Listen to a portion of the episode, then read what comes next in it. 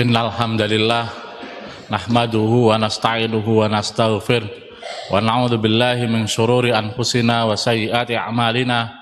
May yahdihillahu fala wa may yudlil fala hadiyalah. Asyhadu an la ilaha illallah wahdahu la syarikalah wa asyhadu anna muhammadan abduhu wa rasuluh. Allahumma salli ala nabiyyina Muhammadin wa ala alihi wa ashabihi ajma'in. Qala Allah Ta'ala a'udzu billahi minasyaitonir rajim. Ya ayyuhalladzina amanu taqullaha haqqa tuqatih wa la tamutunna illa wa antum muslimun. Ya ayyuhan nasu budu rabbakum alladhi khalaqakum min nafsin wahidah wa khalaqa minha zawjaha wa batha minhuma rijalan katsiran wa nisaa'a wattaqullaha alladhi tasaaluna bihi wal arham innallaha kana alaikum raqiba. Ya ayyuhalladzina amanu taqullaha wa qulu qawlan sadida. Yuslih lakum a'malakum wa yaghfir lakum dunubakum. Wa may yuti'illaha wa rasulahu faqad faza fawzan 'azima. Amma ba'du. Fa inna asdaqal hadisi kitabullah wa khairal haji haji Muhammadin sallallahu alaihi wasallam wa syarral umuri muhdatsatuha wa kulla muhdatsatin bid'ah wa kulla bid'atin dalalah wa kulla dalalatin finnar. Hadirin sedang Jum'ah yang dimuliakan oleh Allah. Pertama kami berwasiat kepada diri kami sendiri dan kepada jamaah sekalian. Marilah kita senantiasa meningkatkan ketakwaan kita kepada Allah Subhanahu wa taala dengan menjalankan semua perintah-perintah Allah yang ada dalam Al-Qur'an dan hadis Nabi sallallahu alaihi wasallam karena kita mengharapkan surga Allah Subhanahu wa taala dan kita tinggalkan semua larangan-larangan Allah dan Rasulnya berdasarkan dengan Al-Quran dan hadis karena kita takut akan adab Allah subhanahu wa ta'ala di neraka nanti. Hadirin ma'asyiral mukminin rahimakumullah. Nabi sallallahu alaihi wasallam diutus oleh Allah Subhanahu wa taala ketika di Makkah saat itu dengan satu misi yaitu untuk membenarkan dan memperbaiki memperbaiki akhlak di antara orang-orang yang ada ketika itu. Beliau bersabda, "Innama bu'istu liutammima makarimal akhlak. Dalam hadis yang lain, innama bu'istu liutammima salihul akhlak. Hadis riwayat Imam Bukhari. Sesungguhnya aku diutus oleh Allah untuk memperbaiki akhlak di antara orang-orang yang ada ketika itu. Jadi yang diperbaiki oleh Nabi Shallallahu Alaihi Wasallam adalah akhlak. Kenapa akhlak? Kenapa tidak ekonomi? Kenapa tidak politik? Kenapa tidak memperbaiki tatanan masyarakat? Tidak, karena akhlak adalah perkara penting yang dengan akhlak itu akan muncul berbagai macam kebaikan-kebaikan. Para ulama mendefinisikan akhlak adalah hayatun lin nafsi rasihatun. Sikap jiwa yang kuat tasduru anhal af'al yang muncul darinya berbagai macam perbuatan, perkataan bisuhulatin wa yusrin dengan mudah, dengan spontan tanpa pemikiran terlebih dahulu.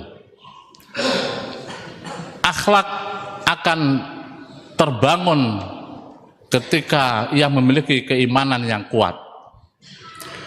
Akhlak akan terbentuk kepada diri seseorang ketika ia memiliki keimanan yang kuat kepada Allah Subhanahu wa taala. Maka yang menjadi PR Nabi adalah ketika itu beliau memperbaiki akhlak di antara orang-orang yang ada di Makkah saat itu. Dan akhlak di sini berkaitan dengan keimanan, yaitu ketauhidan kepada Allah Subhanahu wa taala. Maka saat ini ketika kita menghadapi permasalahan dan masyarakat yang sudah mulai bergeser dari perangai yang tidak baik kepada yang eh, perangai yang baik kepada yang tidak baik, maka berarti kita perlu melihat dan mengintrospeksi akhlaknya. Kalau akhlaknya tidak baik, maka muncullah berbagai macam perbuatan-perbuatan yang menyimpang dari agama ini. Dalam hadis riwayat Imam Tirmidzi dan Ahmad, Nabi Shallallahu Alaihi Wasallam bersabda, "Akmalul mu'minina imanan, ahsanuhum khuluqan." Seorang mukmin yang paling sempurna imannya adalah yang paling baik akhlaknya. Wa khiyarukum khiyarukum linisaikum. Wa khiyarukum khiyarukum linisaihim. Dan orang yang paling baik di antara kalian adalah yang paling baik terhadap istri-istri mereka. Jadi kesempurnaan akhlak berkaitan dengan keimanan. Ketika keimanan seseorang kuat, maka insya Allah ia akan terpancar darinya akhlak yang baik.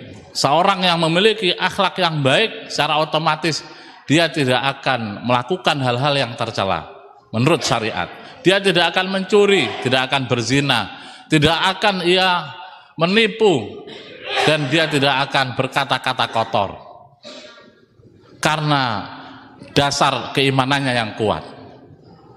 Kebalikannya, kenapa seseorang melakukan pencurian, dia melakukan eh, praktek riba, ia melakukan perzinaan, minum khamar dan lainnya karena sumbernya yaitu keimanannya yang tidak baik. Akhirnya muncullah akhlak yang tidak baik. Maka ketika kita mendapati seorang yang imannya kuat secara otomatis ia berprofesi sebagai apa pun tetap akan melahirkan akhlak yang baik.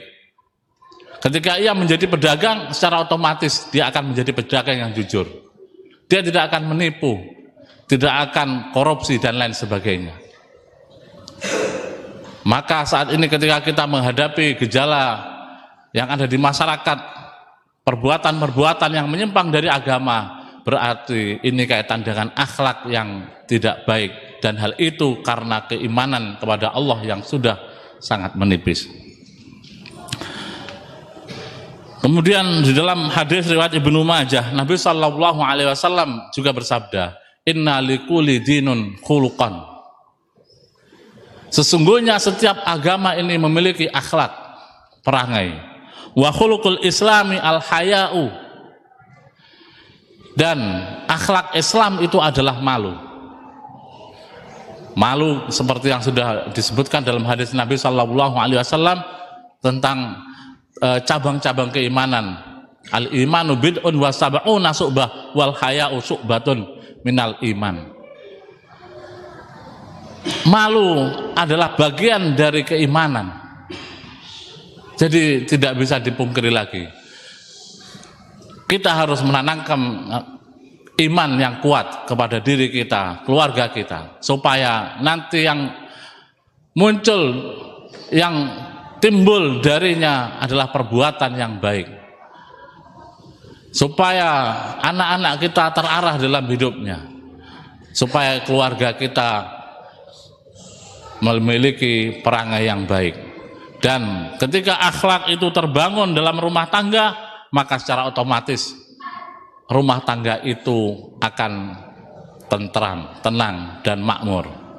Sebaliknya ketika akhlak itu tidak tertanam dalam kehidupan keluarganya, maka secara otomatis keluarga itu tidak akan merasa tenang, tidak akan tentram, dan tidak akan merasakan kemakmuran. Kembali kaitan dengan al haya usuk batun minal iman. Dalam hadis Nabi Shallallahu Alaihi Wasallam dan riwayat Imam Bukhari, beliau juga menjelaskan di dalam tas tahi, apabila kamu tidak malu, fasna masyikta, maka silakan berbuat apa pun yang kalian kehendaki. Ketika seseorang sudah tidak memiliki rasa malu, maka ia bebas melakukan apa pun yang ia mau. Kita bisa melihat bagaimana keadaan di luar sana. Ada orang-orang yang berperilaku sangat jauh dari kategori akal sehat saja. Belum lagi berkaitan dengan agama dinilai secara pikiran kita kepantasan saja sudah tidak pantas, apalagi secara syariat. Ada orang-orang yang meninggalkan syariat tentang menutup aurat, meninggalkan sholat, orang-orang yang berperilaku menyimpang lainnya yang sangat banyak sekali. Hal itu muncul karena rasa malu sudah tidak ada. Dan rasa malu itu tidak ada karena ia tidak memiliki keimanan. Maka benar seperti yang telah difirmankan oleh Allah Subhanahu wa taala, la yazni zani khina yazni wa huwa mu'min, wa la yasriku sariku khina yasrik wa huwa mu'min. Seorang yang beriman itu tidak akan berzina, seorang yang beriman itu juga tidak akan mencuri. Maka marilah kita bersama-sama memperbaiki kualitas keimanan kita, ketauhidan kita kepada Allah Subhanahu wa taala. Karena dengan keimanan dan ketauhidan itu insya Allah akan menimbulkan akhlak yang baik dan akhirnya kita akan menjadi orang-orang yang mendapatkan keberhasilan, kemenangan yang sebenarnya yaitu kita dimasukkan ke dalam surga Allah Subhanahu wa taala. Aku lu qauli hadza wastaghfirullah li wa lakum innahu huwal ghafurur rahim.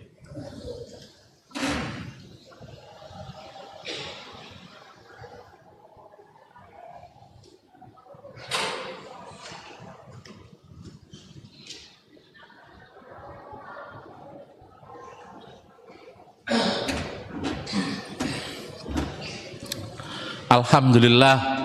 Alhamdulillahilladzi hadana li hada wa ma kunna linahtadiya laula an hadana Allah.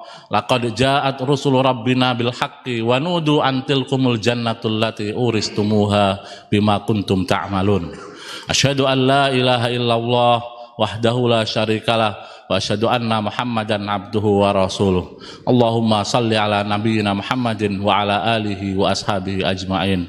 Amma ba'du fa ya ibadallah usikum wa iyaya bitaqwallah faqad fazal muttaqun.